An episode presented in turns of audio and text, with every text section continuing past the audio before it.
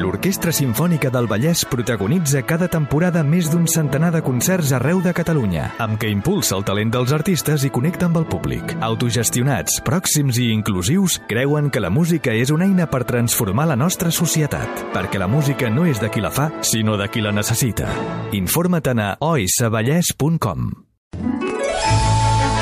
L'Orquestra Simfònica del Vallès us ofereix aquest espai. Eh, tal com us eh, deia, ja ens acompanya a l'estudi de rac el músic i conferenciant Ramon Gené, que ja el van eh, poder veure en, aquesta, en aquest lliurament dels Premis Gaudí amb... Sí. Amaya, Amaya. Amb, amb Amaya, Amaya. Anava a dir Aita, Aitana un altre cop. Eh? És allò, Ja la retentiva... Ja t'he vist, ja t'he vist, ja vist. Diuen que si el Covid afecta la qüestió del, de la memòria i potser sí que m'està afectant perquè últimament, darrerament tinc uns lapsos importants. Dit Eh, això, bueno, tot- què tal? tot- què tal tot amb... tornarà, tot tornarà. Què tal amb la Maia? Què tal? Bé? Bé, bé, sí, Bé. molt bé, sí, sí. sí, sí. Us va, et vaig veure feeling entre els dos. Ah, sí? Bueno, no, què vols que et digui? Sembla que podria ser la meva filla.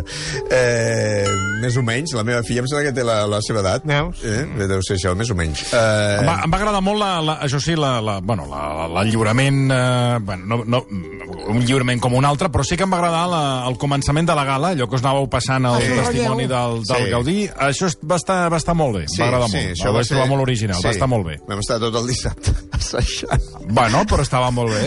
Estava Això molt bé. va La, ser- la prova és que si ho arribo a fer jo no m'hagués recordat de la meitat i a mi recorregut ja l'hagués ja esgarriat. Vull dir Sí, que... bueno, clar, érem, érem quatre i s'havia d'agafar el Sí, gol sí. des del principi, portar-lo fins al final, que estava allà com hi havia allà com la DJ, que tenia tots els Sí. premis, s'havia de portar fins allà i vam fer aquell relleu. I clar, era, això sí que era una miqueta complicat perquè érem un steadicam i clar, cada, cadascú de nosaltres tenia un text i el text havia de quadrar exactament amb el tros que teníem i, el de, i havíem d'anar exactament a, a la velocitat perquè el de l'steadicam es pogués anar seguint. Bueno, totes aquestes coses. No, no, va quedar clavat, eh? No, no. Sí. Sí, sí, no, no, molt bé, Sí, molt bé. no, molt no, bé. no, seria, no seria perquè no ho assagéssim. Bueno, doncs, sí, escolta, però- està, està, les coses eh, surten, quan surten bé és que s'han assajat. Vull dir, Sí. cada, allò va quedar, va, us va quedar molt bé. Va quedar Cada cosa al seu lloc. Sí, després doncs vam entregar això, el premi de, de la millor música original i del millor so, no? Perquè suposa que sortíem dos músics i havíem de, de, de, de No, no, com molt bé, molt bé. coses que tinguessin a veure amb el soroll. Va quedar molt Sí, bé. Bueno, sí, sí. Um, Ramon, entrem en matèria perquè Sí. avui ens vols parlar de la trobada entre Rossini i Beethoven. I Beethoven, perquè la setmana passada, que us en recordeu, o fa 15 dies que hi havia aquí el Rosés, Sí, per cert, hi ha molta gent, hi ha molta gent eh, que m'ha dit, hòstia, l'altre dia amb el Rosés, moltíssima gent que, que, que m'ho diu. Mira, és l'últim dia que vaig estar a l'estudi. Sí, sí, sí. Després ja va, Però vaig... sí que fa molts dies, us, fa molts us, dies us que vaig, dura us, això, no, Toni? Sí, us vaig generar, us vaig generar un pànic Sí, sí. que em vaig sentir culpable. És una sensació curiosa aquesta, eh? La que diuen que ets positiu et genera una sensació de culpabilitat de, hòstia, No. que, com és que, eh, o sigui, a qui li he traslladat jo, a qui li he pogut eh, contagiar el Covid, no? Sí, I sí, sí, però vaig, no. va haver un parell de dies que em vaig sentir fatal. No. Després, quan anaven dient que éreu negatius, ja em vaig quedar més, més tranquil. Però a més, vull dir, també, vull dir, quina bestiesa de pensament aquest també, Toni, jo que sé, perquè també algú te l'haurà passat a tu, no? No sé com dir-ho. Sí, bueno, però mira, eh, eh, crec que en el meu cas crec que queda en família, Ja. per la part més jove, Sí. i... però en el meu cas sí que em vaig sentir malament. La Ja. veritat és aquesta. Vaig pensar que vaig estar el dilluns, que no ho sabia, i quan vaig eh, acabar vaig tenir notícies de, del positiu i em vaig sentir, en aquell moment, vaig sentir malament. Mm. Però bé, Doncs, eh, doncs era, era el darrer dia que hi havia el Rosés, correcte? Exacte, hi havia el Rosés, i aleshores amb el Rosés vaig, vam parlar de- d'una trobada que va tenir eh, Wagner amb Rossini, perquè si Sí. recordeu, eh, clar, el Rosés és, eh, és un friqui de l'òpera,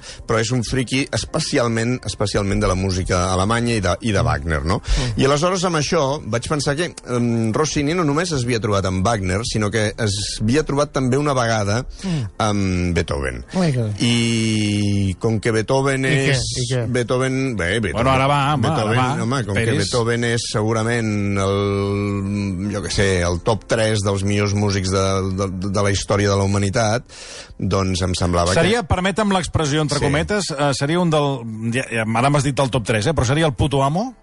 Seria el puto amo, sí, sí, esclar. Vale, és vale. primer, primer a, per mi personalment és el meu déu personal, Sí, no? per això t'ho dic, per això ho dic, però perquè després- has, fet, has fet llibres de Sí, sí, Beethoven, sí, sí. vull dir, perquè sé que t'agrada molt, Sí, per això sí. et pregunto si per tu ets, és, el, és el puto amo. Doncs si es pot dir així, sí, és el puto amo. Bueno, clar. no, és, no és correcte dir-ho així, no, però, bueno, clar, és, és, és, és en terminologia guardiola, per exemple. Clar, puto jefe, el un... puto amo, Sí. es el que más sabe del mundo. Ah, Això, exactament. Ima- Imagineu-vos un paio que, que no hi sent. O sigui, és que era un, era un senyor que no hi sentia i que, i que feia música. O sigui, és que és una cosa... I música excepcional. Clar, i una música eh, una música eh, Sí, sí. excepcional, com diu el Brutal. senyor, el senyor Marcelí.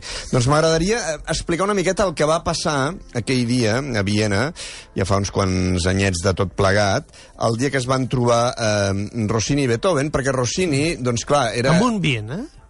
Si es van trobar amb, amb un... Què diu? No has dit que s'havien trobat amb un bien, eh? No, es van trobar a Viena. Ah, ah, no en un ah, Viena. la capital. No, Ah, sí, ah, ah, encara, no hi, encara no hi havia. baix l'han tancat. No, encara no hi havia d'això. Eh? I per il·lustrar una miqueta, Rossini, sí. per il·lustrar, vinga, som-hi amb aquesta música. Aquest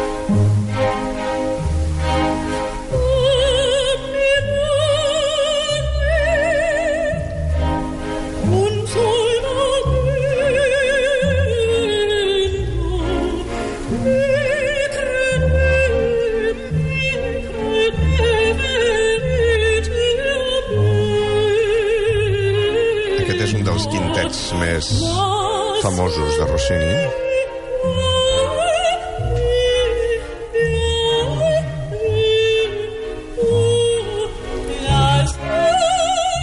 que és la típica música italiana, no? On l'acompanyament de l'orquestra sí. simplement és pum, pam, pam, pum, pam, pam, pum, pam, pam, pum, pam, pam. I entra la segona veu. La tercera.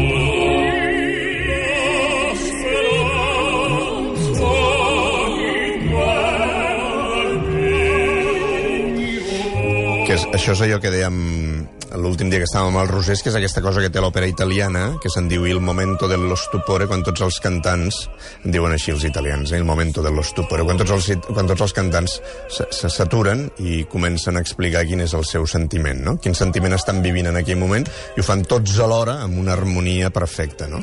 que és aquesta cosa que només pot passar a l'òpera, això no pot passar en lloc més, no? De fet, hi ha la famosíssima anècdota de Víctor Hugo, quan van a veure el Rigoletto de Verdi, que sabeu que el Rigoletto de Verdi està basada en una òpera de, de Víctor Hugo, que es diu Le Roi s'amuse, el rei es diverteix. I al principi Víctor Hugo no volia anar a veure el Rigoletto, perquè de fet Verdi va fer el Rigoletto sense pagar-li drets d'autor a Víctor Mm, Hugo. ah, mm. Però finalment uns quants amics van aconseguir portar Víctor Hugo al teatre, el van portar a Brussel·les i, i va anar a veure el, el Rigoletto, no? I va veure un moment d'aquests, no? un moment en que l'òpera s'atura i, i, i tot és pura harmonia, no? I, i quan van sortir al teatre els amics li van preguntar què, què t'ha semblat, què t'ha semblat?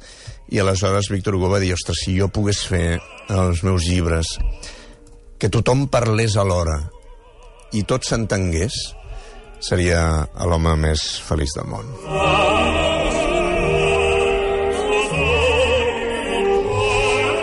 Bé, aquesta és eh, l'última òpera que va fer Rossini, es diu Zelmira, i és l'última òpera que va fer Rossini eh, a Nàpols. Mm. Es va estrenar el 6 de març de 1822, ja fa uns quants dies Ui, d'això. 200 anys. Exactament, 200 anys. Sí, senyor. Fixa't. Miri, ben, es, que, que, Sí. escolti, qui, eh, ha estat ràpid aquí Escolti, vostè, eh, amb la numerologia. Ha estat Fixa't. ràpid, Doncs ràpid. Li va al cap. ahir- ahir- Més ràpid que a mi. Ahir, ahir, Bravo. ahir, Realment. ahir va fer 200 anys. Miri, Sí, sí, sí, fa sí, sí. 200 anys que es va estrenar aquesta òpera Fixa't, a quina Nàpols. gràcia. Quina gràcia, sí, quina gràcia. Que deu ser mort. Sí, no, i és mort, sí, esclar. Sí, és mort. Sí, sí, sí, vulguis que no és mort, clar. I mm, era el, el, aquest dia, 6 de març, va ser l'últim dia del contracte del senyor Rossini a Nàpols, no? que va ser el dia que va deixar Nàpols i se'n va anar amb la diva Isabel la Colbrand, que... mm, Que era la querida. No, bueno, aviam, eh, quan ell va arribar a Nàpols era eh, la Isabella Colbrán estava liada amb l'empresari i aleshores Rossini li va, li va aixecar la camisa mm. i, i, va, i va marxar, va marxar, amb, va marxar amb ella, no? Eh, la qüestió és que van anar cap al nord, no? Van anar a Bolònia, allà es van casar, perquè es van casar, tot i que Rossini no, no, Rossini no li feia gaire il·lusió casar-se, però la, seva, la seva mare li va dir, home, casa, Casa, que, home, que, has de casa, fer, que has de casa, fer també, casa. no? Hi havia que, clar, estem, parlant, estem al segle, estem al, al, a l'Ottocento, eh, allò que diuen els italians, al segle XIX, eh, i, i, clar, no feia, no feia de gaire bon d'allò, saps? I va dir... que, Ves què, què dirà la gent? Exacte, jo el que diran, el que diran. I la qüestió és que es va casar, Rossini ho estava, ho estava patant per tota Europa i va començar a patar-ho per tot, eh, per tota Itàlia i va començar a patar-ho per tota Europa, no? I va arribar fins a Viena. I a Viena van fer eh, durant tres mesos un festival Rossini, és a dir, durant tres mesos obres de Rossini per parar un tren, no? I van fer en la Zelmira, que és aquesta obra que estem escoltant ara, i van fer la Cenerentola i la Isabetta, Regina d'Inglaterra, un pilot, un pilot d'obres, com per exemple aquesta, que segur que tots coneixeu. Ja veuràs. Això a tothom li sonarà, em sembla.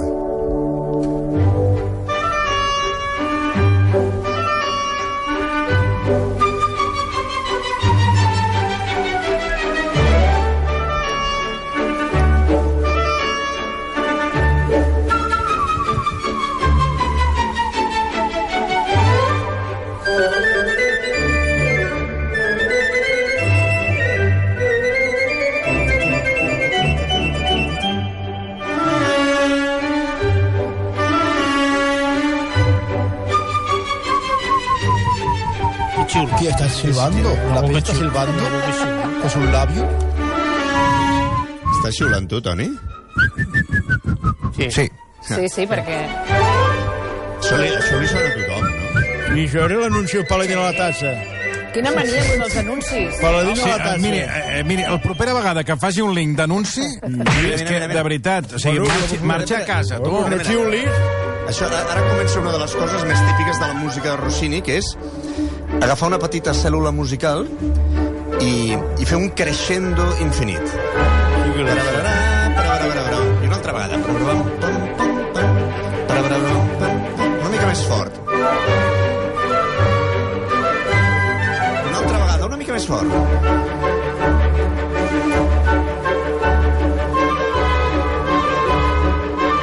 Una altra vegada, una mica més fort.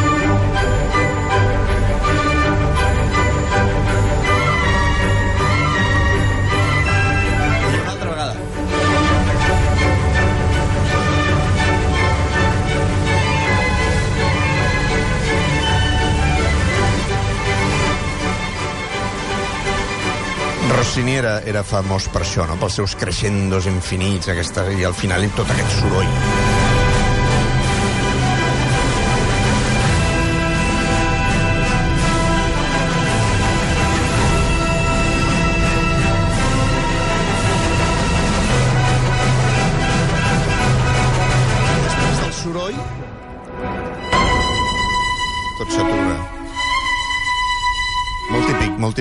Rossini. Això a la gent li encantava tant que, que l'home es va fer hiperfamós a tota Itàlia, es va fer superfamós per tota, per tota Europa, no? I quan va arribar a Viena i es va fer aquest festival, el Anton Schindler, que era el secretari de Beethoven, explica en les seves notes la bogeria del públic vienès, no?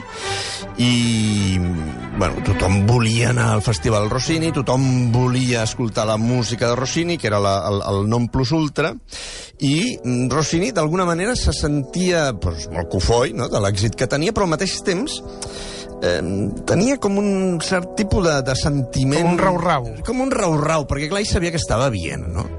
I Viena, doncs, és la ciutat, de, o era la ciutat de Haydn, era la ciutat de Mozart, i era la ciutat eh, de Beethoven. Fixa't. I clar, ell havia sentit parlar de Beethoven, havia escoltat alguna coseta de Beethoven, no massa, però clar, sabia que Beethoven era un compositor especial, no? Era un compositor que feia una música diferent, no?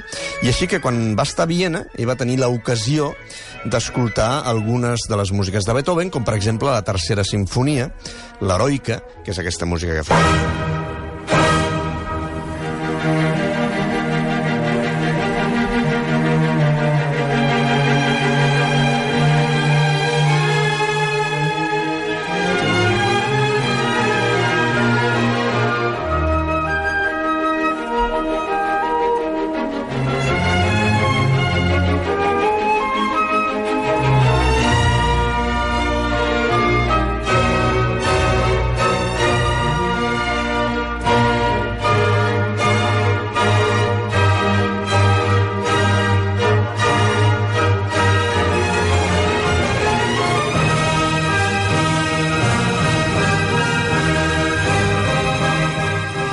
aquesta, aquesta tercera sinfonia, potser la gent avui en dia, doncs, la gent potser que no està gaire basada en aquest tipus de música, doncs li sona tot com amb una música clàssica o com una música... Sí, doncs no, aquesta música no té gens de clàssica. Aquesta, aquesta música, aquesta tercera sinfonia, és la partida de naixement de la música romàntica, no? I, I per Rossini, escoltar-la, quan la va escoltar a Viena, va ser també eh, com una revelació i no havia mai escoltat una música amb aquesta força i amb aquesta intenció intel·lectual, no? Perquè tota la sinfonia va passant com per un... diguéssim, com... va intentant explicar una història sense lletra, no? Si anem, per exemple, al segon moviment,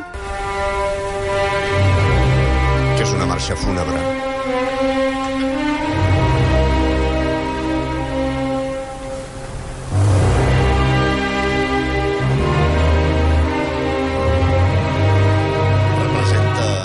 Marxa fúnebre de l'heroi, no? de l'heroi romàntic. D'aquest home que té moltes cabòries al cap, que no és capaç d'adaptar-se a la societat, i que ja en el segon moviment de la sinfonia mor.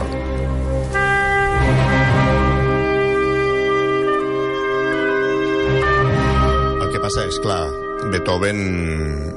Beethoven és un déu, ja us ho he dit abans, i ja sabeu que els déus no moren mai. Els déus es transformen i van a altres llocs, però no es moren. I l'heroi de la tercera sinfonia tampoc mor, eh? i en el tercer acte, naturalment, ressuscita, etc etc. La qüestió és que Beethoven, ai, que Rossini, mm. clar, després d'escoltar això, volia conèixer Beethoven sí o sí, no? Ah, la van escoltar, van escoltar... Van, que- van escoltar això, va escoltar i va dir, bueno, escolta, haig d'anar Sí, a haig d'anar haig d'anar a conèixer aquest home, no? Aquest home, aquest home té, té talent. Aquest, Sí. sí. clar, jo vaig anar a escoltar aquest paio i, i clar, paio. era un moment important a la vida de Beethoven perquè era un moment on ell ja pràcticament no hi sentia, Fixa't. no hi sentia gens, tenia molts problemes de salut. Aquí la tercera ja no hi sentia. No, la tercera és de molt abans. Ah. És de molt abans. Vols dir però- que la van tocar, la van tocar, Esclar, però ja havien clar. passat anys. Clar, esclar, Ah, quan ella... clar, Clar, clar. I els problemes de... tenia problemes de salut, ell havia escrit la Missa Solemnis i tal, no? La Missa Solemnis, vull dir, perquè és el moment, quan, quan Rossini coneix Beethoven, és el moment de la novena sinfonia de Beethoven, no? I aleshores, quan parlem de la novena sinfonia tots ens omplim la boca i, i, i perdem, perdem, no sé com dir-ho, perdem... L'oremus. L'oremus, no? Perdem el món de vista, perquè la novena ho eclipsa tot, no? Però en aquell moment Beethoven també, per exemple, estava escrivint la Missa Solemnis, que és una obra, és una obra imprescindible per tothom, que, que comença així. Re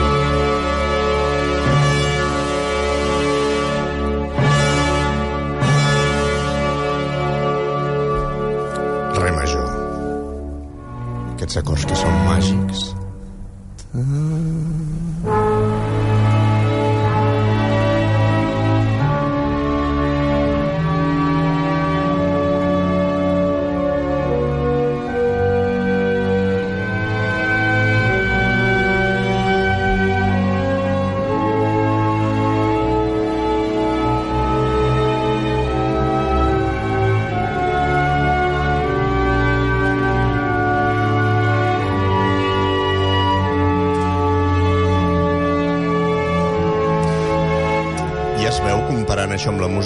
Rossini, que hi ha, hi ha com un altre os. Hi ha com un altre... Ni millor ni pitjor, eh? Hi ha una altra densitat.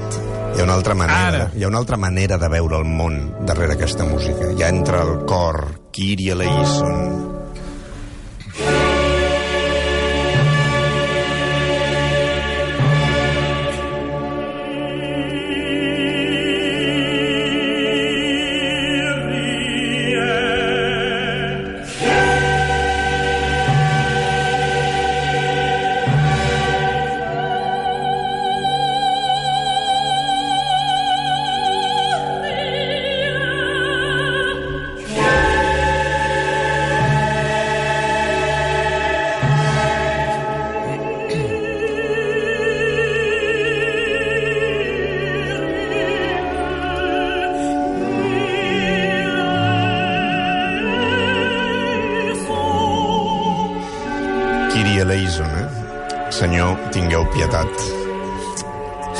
Eh? És preciós, això. Ara, Sí. el dia que vagis a una, en una església, Sí. eh, fan, a, a missa, A veure, aviam, i aviam, toquen... aviam, aqu- un moment, no, no, aviam què diu, eh? Aviam no, què diu. Ah. el dia que vagis a una església i toquen aquesta missa, Sí. no tinguis la cassola al foc, eh? Perquè No. la missa, Sí. la missa pot durar dues hores, Sí, eh? sí, no, no, i les dura, i les dura, sí, sí, clar, no, no, no, no, Preciós, eh? Ara és preciós. no s'ha de tenir pressa, no? La qüestió és que...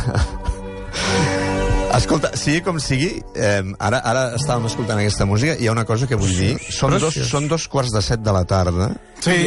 estem, estem al versió mm. i, i em sembla increïble i és un regal i us agraeixo immensament que puguem escoltar amb una emissora com aquesta generalista el Kyrie eleison de la Missa Solemnis de, de Beethoven. O sigui, és un, és un luxe, així que moltes gràcies. Res. Gràcies a vostè. G- Gràcies a tu. Escolta, És que ha hagut d'anar a dir de res, vostè, eh? Maleducat. Jo? De res. Com li ha de dir de res? Home, gràcies. Silenci. Bé, dit això, dit això, um, les persones que van propiciar aquest encontre, recordem que, recordem que um, Rossini volia conèixer um, a Beethoven, van ser Salieri, que tothom coneix de la pel·lícula, sí. Antonio Home. Salieri, i un senyor que es deia Giuseppe Carpani, que era l'editor de Rossini. No. I tots dos era l'editor de Rossini a Viena, sí, sí. perquè, clar, aquests, aquests músics necessitaven que algú edités la seva música Les per vendre-la. les solfes, Sí, esclar. les solfes, Sí, sí. com diu vostè. Sí, sí. Eh? I organitzar... Aquests són, són els que van organitzar l'encontre, no? Que era un encontre difícil, perquè Beethoven, primer, no hi sentia, i segon, no parlava italià. I Rossini no parlava alemany. O sigui, mm, com es com s'han de comunicar aquestes dues persones, no? Aleshores, eh, per comunicar-se, Rossini va anar acompanyat d'aquest Carpani, que era el, el seu editor a Viena, que sí parlava alemany i que anava traduint el que, el que un i l'altre es deien. Com que Beethoven no hi sentia, Beethoven portava sempre amb ell una, una llibreta. I tu, quan volies parlar amb ell, li havies d'apuntar a la llibreta el que, el que, el que, deia, el que deies. I aleshores ell contestava de viva veu, no?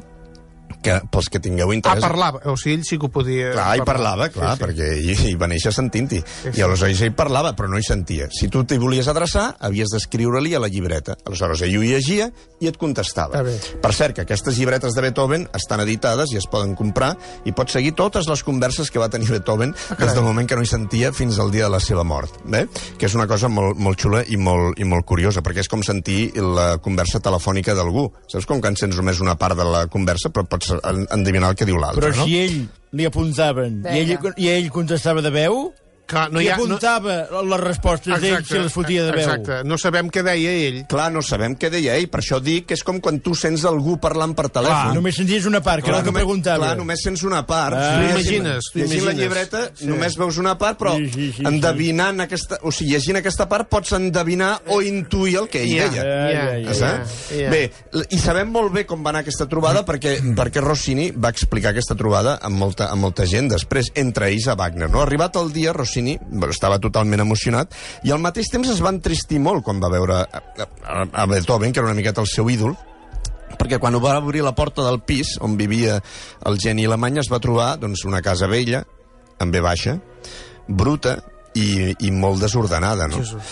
I, i Que no tenia cèntims. no és que no tingués cèntims, és que Beethoven era un... Era deixat, Era, un home deixat. Era un romàntic, era un altre, ti- Ara. era una altra mena de persona. Ja, era una altra mena, era una altra mena de persona. Una no? mica, a veure, sense anar molt lluny, eh, una mica com, la, com casa seva, senyor Marcelí, que Bueno, bueno, entres, a a veure, allò sí, no, també perquè és està, que la- no, és que la està, meva tot senyora- està ca- calample. Bueno, però és que la meva senyora s'enfada amb totes les, les noies Sí, que venen a netejar. bueno, s'enfada no, és, sí, és que la seva senyora vol endreçar i vostè ho desendreça tot. Bueno, tot, perquè és que la meva senyora ja no té edat per endreçar. I llavors jo Bueno, deixo té- estar i que ja vindrà la noia. I Clar. no li agrada cap noia que ve. No Però li agrada cap, ja. perquè no ho endreça bé. Endreci-ho vostè, eh? No, Ara, això ho ha de fer ella. Perquè, perquè ha de venir algú a endreçar-ho, també. No? Bueno, perquè demà és el dia de la dona treballadora i han de treballar. Deixa estar, Ramon, per favor. Bueno, per sembla favor, ser... que prendrem mal. Sí, sí. Sembla... és que... Si us hi fixeu, jo ja, És que jo no, estic- jo ja, me, No, eh, jo no, ja he no. sortit de puntetes, sort que estic a casa, ja, m'entens? Jo ja que- he anat sortint de l'antena de puntetes, És que jo amb, estic amb expli- aquest comentari. Estic explicant una cosa que va passar l'any 1822 i, i aleshores no sé, no sé qui és més antic, si això que estic Home. explicant. Bé, la qüestió és que la qüestió és que sembla ser que Beethoven sembla ser que Beethoven va felicitar Rossini Ah, està bé. pel, pel, pel Barber de Sevilla, no? El Barber de Sevilla, clar, imagineu-vos, era una òpera superfamosa, no? I va dir-li que es tractava d'un d'una excel·lent òpera bufa, dit això, li va recomanar no intentar res més, li va dir, escolti, vostè sobretot no faci res més que òperes còmiques, perquè si vostè mm, intentés fer una altra cosa seria forçar massa el seu destí, no? I aleshores Carpani, el que, el, el, el, el que anava amb Rossini, el que anava apuntant a la llibreta, li va fer saber a Beethoven que Rossini, escolti, Rossini no només ha escrit eh, òperes còmiques, també ha escrit òperes sèries mm, amb molt d'èxit, no? I Beethoven va quedar tot estranyat sí. I, i va advertir Rossini que l'òpera sèria no era adequada pels italians perquè la capacitat dels italians per entendre la veritable essència de l'ànima humana i del drama de la vida era limitada. Ai, carai. Això li va dir Beethoven. Òspat. Li va dir, escolti, vostès els del sud, els italians, no sé si... No ho entenen. Segons què, no ho entenen. Vull dir que a vegades, saps allò quan Woody Allen de allò de... Eh, sí. Segons com val més no conèixer els teus ídols. Ídols, sí. Perquè només se poden decebre. Bé, no ho sé si et poden decebre o no, però en aquest cas, o sigui, Beethoven va fer aquest comentari. És com li va fumar un moc. Sí, li va fumar, li va fumar un moc. No? A, patat, a pesar d'això, eh, i de, al final de l'entrevista, Rossini, esclar, estava davant del seu ídol, li va expressar a Beethoven tota la seva admiració i li va agrair molt l'oportunitat de conèixer-lo, no? I Beethoven li va dir, escolti, vostè és un infeliç, no? Vostè que guanya tants calés i jo que estic aquí d'aquesta manera, no? Eh, el va acompanyar fins a la porta i abans d'acomiadar-lo, Beethoven encara una última vegada li va dir, escolti, sobretot vostè, faci molts barbers de Sevilla, no es fiqui amb embolics, no? Per entendre la diferència... Però, perquè- perdona un segon, ni Sí. un cafè no van fer, eh? Sí. No és pasta. Sí, home, sí, però què vol que expliqui si van posar... Bueno, home, jo vaig de al, pers- vaig bueno, al a veure, tall, eh? vaig al tall. Ah, bueno, vaig perdoni, al tall. perdoni, no, vaig al vagi, tall. vagi, vagi. A, la cosa, a la cosa important, no?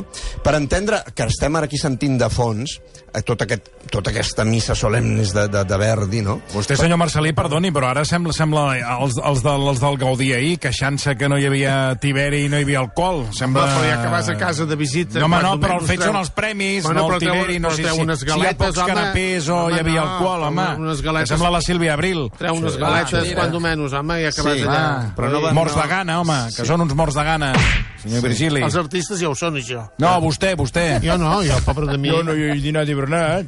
L'altre, l'altre. Jo encara tinc torró a casa. Que l'altre dia volia donar, per cert. Que és No, la... però no, Exacte, ja, torró solidari per enviar-lo als ucraïnesos, que ja és el súmum de lo més, de lo més miserable que et puguis tirar a la cara. Eh? Agafar el No, no. torró que li sobra i enviar-lo a Ucraïna. No, Va, no, va, com que em vau fer aquella escandalera, ja me l'estic menjant No, jo. sí, I sí, això no, aguanta, això no es passa, eh? Exacte. No, no, no. Bueno, endavant, eh, Gené. No pot, el gener, que no ho veus. Home, és que, és que són d'un d'un d'un d'un d'un d'un miserable. d'un ranci. Ranci, ranci, ranci, són rancis. Rancis, rancis. Són rancis com, com aquesta olor de, de, de, de, de gent que no es dutxa durant... I- i- sant- i- gent gran que no es dutxa durant I setmanes. vosaltres sou desagraïts. Bé, sí. escolta, amb això, amb això que li... Amb això que li va dir Beethoven, sobre vostè, sobretot vostè faci molts barbers de Sevilla i no s'emboliqui en fer aquesta música que faig jo, perquè s'entengui bé la diferència. Escol vull que escoltem un momentet, un momentet del barber de Sevilla, quan hi ha tres personatges, que són el comte Almaviva, la Rosina i el propi barber de Sevilla, el Fígaro, que estan fugint de casa del tutor, no? I per fugir, doncs, fugen com... Bueno, fugen amb aquesta música. Zitti piano piano, non facciamo confusione per la scala del balcone, presto andiamo via di qua. Zitti zitti, piano piano, non facciamo confusione per la scala del balcone, presto andiamo via di qua. Zitti zitti, piano piano, non facciamo confusione per la scala del balcone, presto andiamo via di qua. Per la scala del balcone, presto andiamo via di qua. Piano, piano, per la scala del balcone presto andiamo via di qua. Non facciamo confusione S'entén que és una altra música, eh? del balcone. Molt diferent, eh? I el meu barber Del tot. Sí. s'ha pujat un euro, el meu barber. Eh, Mira, mira. Per la scala Li talla la llengua. Per la scala del balcone andiamo via di qua. I ara? Zitti, zitti, piano, piano, zitti, zitti, piano, piano, per la scala del balcone, presto andiamo via di qua. És ligero, això és més ligero. Sí. Piano, zitti, zitti, És un altre tipus de música. per la scala del balcone, presto andiamo I això és el que li va dir Beethoven. Sobretot vostè faci, faci aquesta música i no s'emboliqui amb altres coses, no? Una vegada al carrer, Rossini doncs, va sentir com una profunda pena per aquell home que ell considerava un geni que vivia en aquelles condicions que eren com bastant precàries, mentre, mentre ell no només era el compositor més famós d'Europa, sinó que a més estava forrant, estava fotent una calarada bestial i estava guanyant una fortuna, no? Aquella mateixa nit, Rossini va assistir a un sopar de gala en el seu honor, és a dir, la societat, l'alta societat vienesa van muntar un sopar en honor de Rossini, no? I clar, Rossini es va sentir com una miqueta mm, incòmode per les atencions que tota aquesta alta societat vienesa li dispensava, mentre Beethoven estava ja en aquella casa tota desendreçada. Eh? Val a dir també una miqueta perquè Beethoven era d'aquesta mena de persona. No? I després del sopar hi va haver un concert i en el programa figuraven uns dels últims tercets publicats per Beethoven, que va ser un gran èxit, i Rossini es va quedar encara més perplexa, que la- l'alta societat vienesa escoltava la música de Beethoven, la gaudia, però l'home estava com deixat de costat. No? No el convidaven amb ell. No, i Ai, aleshores Rossini va proposar unes aportacions, va dir, escolta, agafem aquí tots, posem, posem aquí quatre duros i li donem els calés a Beethoven, perquè aquest home, mm, no sé, perquè tingui un lloc per viure, un I lloc tant. una miqueta millor, no? I tant. I va fer alguns calés, però quan van comptar els calés que van arreplegar, el resultat va ser totalment desolador, no? I, i, i Rossini va preguntar però, però com és possible tot això? I aleshores, el, aleshores els vienesos li digueren que ell no coneixia bé a Beethoven. Perquè si Beethoven tingués calés, l'endemà es vendria a la casa, s'aniria a viure a un altre lloc i al cap de quatre dies tindria la casa exactament igual que la que està, on està ara. Desendreçada, bruta, eh, descuidada, etc etc etc. Així que, per molt genial que fos Beethoven, eh, gastava massa, gastava sense criteri, no sabia adaptar-se, no sabia vi- viure en un lloc concret i cada sis mesos canviava de pis. Com, com a fresta. Com Con, una- conclusió, Sí. no li donem ni un duro. Val? Conclusió, no li donem ni un duro. I Ai. aquest és l'esperit romàntic de Beethoven comparat amb l'esperit una miqueta més, diguéssim, d'abans del romanticisme, més neoclàssic, més... més amb, amb la música se'n diu música galant. Eh? Aquesta, aquesta visió més pragmàtica del món que tenia Rossini i aquesta visió més idealista del món que tenia Beethoven i que el portava a viure de tota, de tota una altra manera, no? Així que coses de romàntics i coses de persones perromàntiques. És a dir, que no només van, es van trobar dues persones que feien dos tipus de música diferent, sinó dues persones que veien el món totalment, totalment diferent. No? La qüestió d'això, eh, no es van tornar a veure mai més, mai més. Però la cosa maca de, de, de tota aquesta trobada és una cosa que va passar més tard, perquè el dia 7 de maig del 1824, que és una data capdalt a la història de la música, perquè és el dia que es va estrenar la novena sinfonia de Beethoven i la missa solemnis. Um, Beethoven, per atraure més públic al teatre, és a dir, aquell dia no només es va fer la novena i la missa solemnis, sinó que es va fer tot un programa amb música de Beethoven, però perquè mm, Beethoven va pensar que perquè vingués més gent al teatre havia de posar un esquer, alguna cosa que fes que la gent anés al teatre, no? I el que va fer va, va ser contractar amb un tenor que es deia Giacomo Davide, que era també molt famós a No, Viena, no, no el conec. i què és el que li va fer cantar Beethoven en aquest tenor perquè servís d'esquer perquè la gent anés al, a l'estrena de la novena sinfonia? Doncs li va fer cantar precisament una àrea d'una òpera de Rossini, que és aquesta.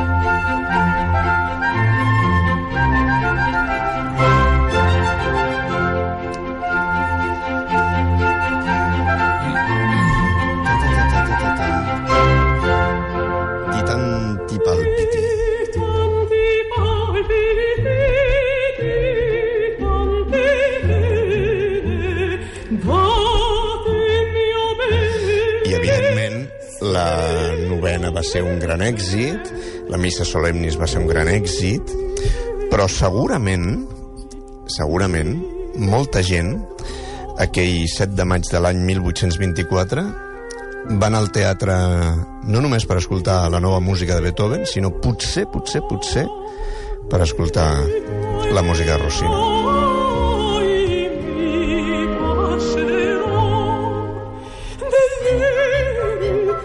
Poi 不知。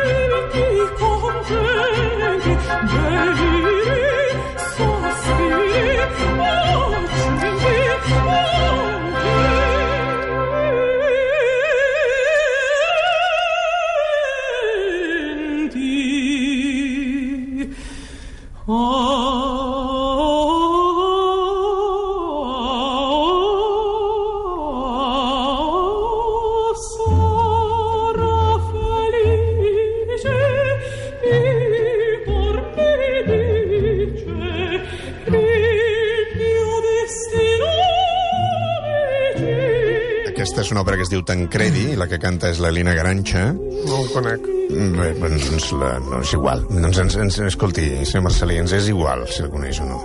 Bueno, però, però si potser l'hauria pogut conèixer, però si no el conec... La No faci, no faci, senyor Virgili, no faci el don Tancredi i... Exacte, perquè i va, aquesta- vinga, aquesta I estalvis el comentari. Exacte. Hem, hem explicat no algun dia perquè... no es pot- dir res. No es pot dir res. Hem, explicat aquí algun dia per què es diu fer el Don Tancredo? No, això no, no, no, no m'ho has explicat mai. Ah, no? Fe, no. Doncs un dia ho expliquem. Això ho deixem, ho deixem, ho deixem per d'aquí 15 dies. Val, val, per d'aquí val. 15 dies dedicat al senyor Virgili, No es pot dir res. No, Però, Don no, Tancredo. Eh? Això mateix. Ra- vinga, calla i vinga, i tu ves fent i... Què, com? Tu, tu és a bodes, tu? Què diu? Si actues Com? a casaments. No, no, no. Podries tocar el, el piano, expliques, ara us Ui, tocaré una peça d'un que és mort i abans era viu. Ah, amb permís del Ramon Gené, ara tornem. Són 3 minuts i tornem. No vull saber-ne res d'aquesta proposta. No vull saber-ne res.